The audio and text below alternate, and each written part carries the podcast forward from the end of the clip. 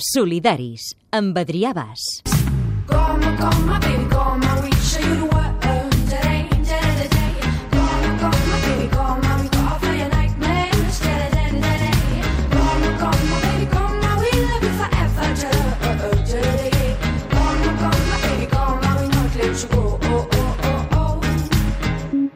Cada dissabte, de 3 a 4 de la tarda, a Catalunya Ràdio. I ho hem deixat pel final perquè ara és quan hem de donar les gràcies al Consell Municipal de Benestar Social de l'Ajuntament de Barcelona perquè aquesta setmana ens ha concedit una menció especial en els seus premis anuals de comunicació. Els solidaris estem molt contents, és un repte, és una responsabilitat i amb cada nou reconeixement això es nota.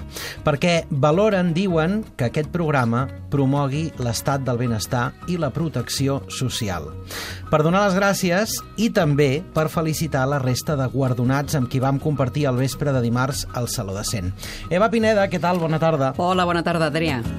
If you wanna be my friend, you want us to get along. Tres categories, ràdio, premsa i internet. Quins van ser els altres premiats? Aviam, mira, d'una banda, el grup de periodistes Ramon Bernils per l'article Presó i aïllament, la mort de Raquel, que denuncia les condicions dels departaments especials de règim tancat de les presons catalanes. També Ràdio Trini Jove pel programa Inclou-me, que dona veu a les entitats compromeses amb la població en risc d'exclusió del barri de la Trinitat Vella de Barcelona. Va recollir el premi l'Anna Montoro, directora de Trini Jove i editora de l'Espai. Som una ràdio petita, una ràdio comunitària que va néixer fa ja 30 anys, que volia tenir una, un mitjà de comunicació en principi per poder donar veu als joves de la Trinitat, que, que fos com una eina no? de, de dinamització i d'integració dintre del barri, però que després al llarg del temps ha volgut obrir portes i, i que altres entitats, altres col·lectius també poguessin estar aquí. També premiat el Centre d'Acollida Assís per la campanya 404 Homeless Not Found. Diferents persones van cedir el seu perfil durant 40 hores, el seu perfil a les xarxes socials, 40 hores i 4 minuts, aquests 404, perquè persones sense llar hi expliquessin la seva història. El director del Centre Assís es diu Jesús Ruiz. Vam tenir persones que ens deien no? que, eh, sobtades de la solidaritat que havia hagut al seu entorn. Vine a casa meva, on estàs, vaig a buscar-te, no pot ser, però tu estaves treballant.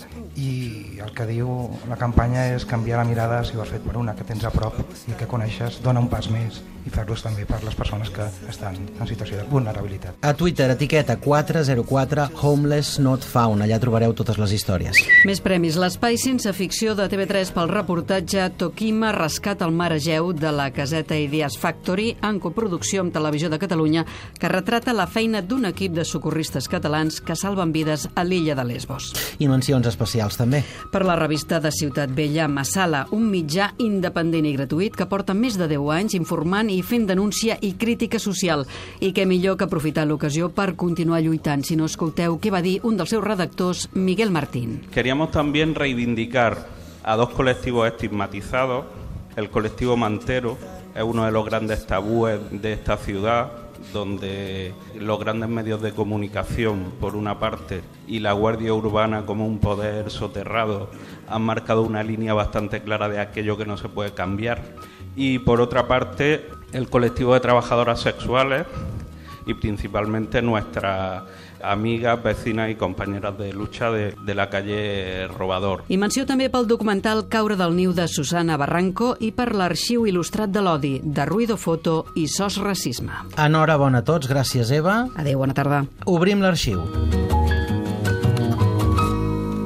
L'arxiu il·lustrat de l'Odi, menció especial en la categoria d'Internet del Premi de Comunicació del Consell Municipal de Benestar Social de Barcelona. Laia Gómez, companya de Premi, enhorabona. Moltes gràcies. Bona tarda. Bona tarda, què tal? Un arxiu a internet en el que es recullen les històries, les denúncies de persones que han patit atacs racistes i xenòfobs. Com funciona aquest arxiu, Laia? Com una plataforma de denúncia d'una banda on es recullen tot un seguit de fotografies i imatges enregistrades, entrevistes enregistrades en, en audiovisual, idees de Toni Arnau, el fotògraf, en el que es poden veure els relats de les persones en primera persona que expliquen com van viure aquesta situació, aquesta agressió, i un recull d'imatges una mica interpel·lant l'espectador directament en el propi etnocentrisme o el propi prejudici racista, més enllà de, del que un aparentment pot saber de si mateix, fins i tot.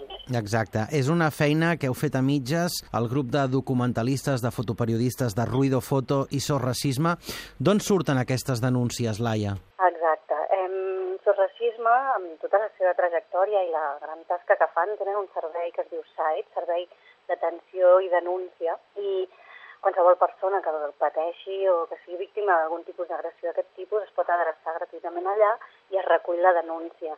El Sorracisme té un servei d'advocats que funciona per acompanyar aquests processos, que són feixucs i, i realment mm, no és tan conegut que existeixi, però reben una llau de, de casos, la veritat. Què és pitjor, Laia? Ser víctima d'un atac racista o que després, un cop eh, n'has estat víctima, ningú t'escolti i que ningú et faci cas?